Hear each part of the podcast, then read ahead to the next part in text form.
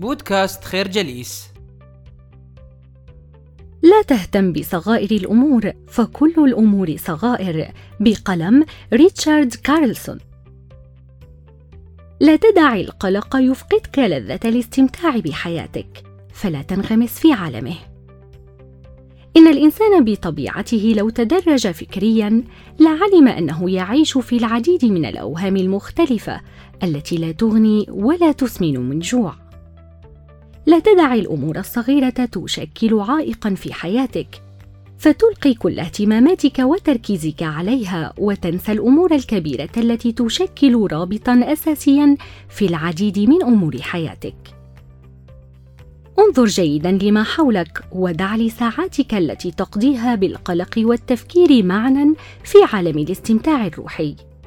وتخلص من الخوف الذي يحيط بك من كل جانب.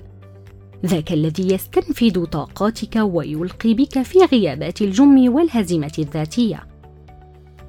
يؤكد ريتشارد كارلسون على مجموعة من النقاط المختلفة وهي تحلى بأخلاق الرحمة والتسامح والصبر والتواضع.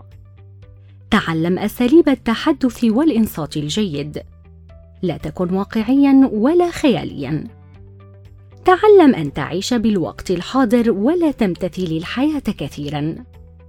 كن ممتنا مطمئنا متفهما مبتسما ومدركا لما يحيط حولك. الفكرة هناك الكثير لتقضي وقتك بالتفكير تجاهه فلا ترهق فؤادك كثيرا بما لا يستحق إلا القليل.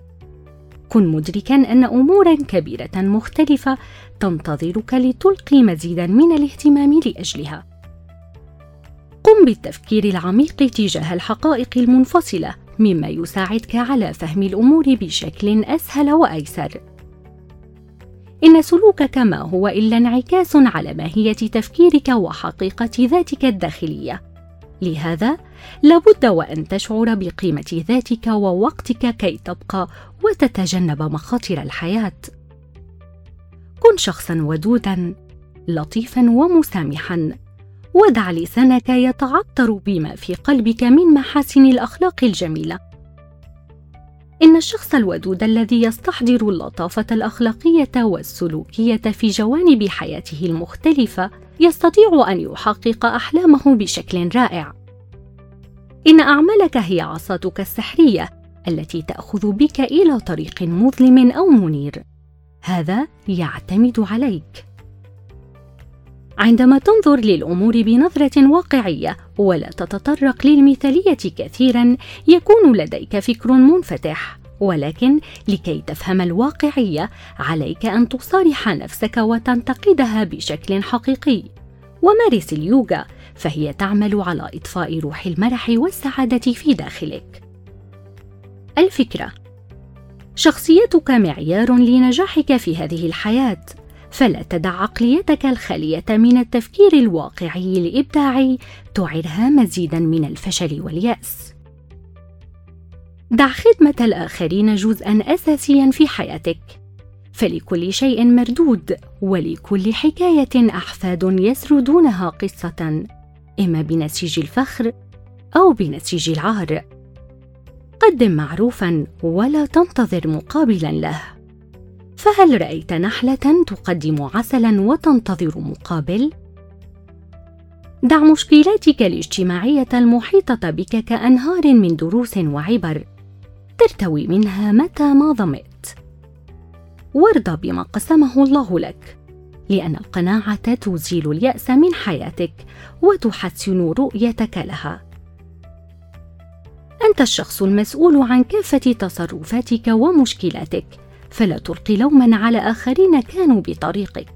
بل كن ممتنا لذاتك أنها كشفت الوجوه الزائفة وأعطتك علما بأقل الخسائر.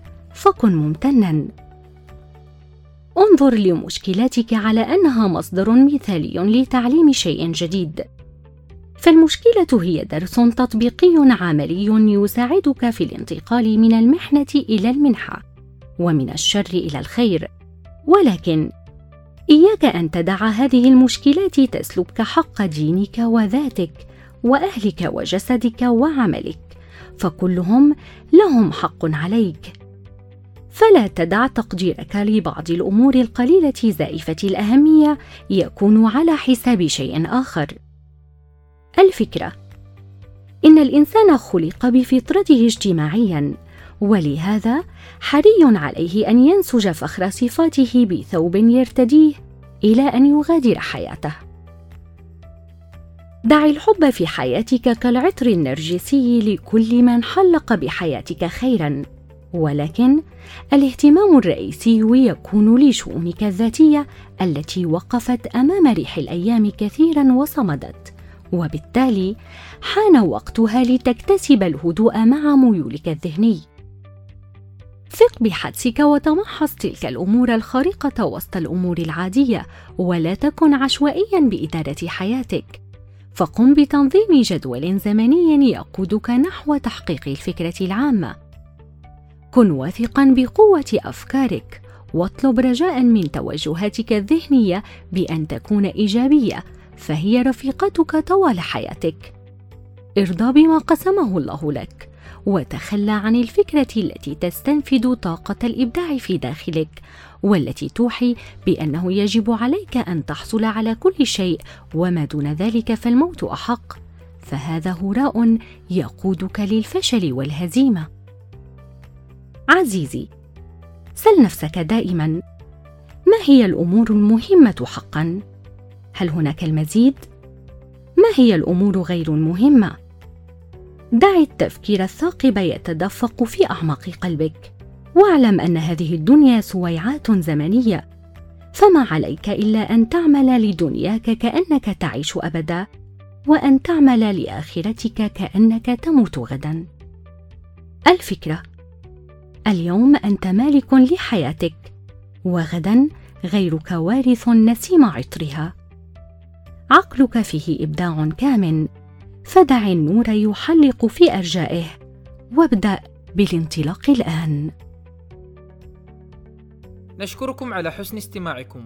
تابعونا على مواقع التواصل الاجتماعي لخير جليس. كما يسرنا الاستماع لآرائكم واقتراحاتكم ونسعد باشتراككم في البودكاست.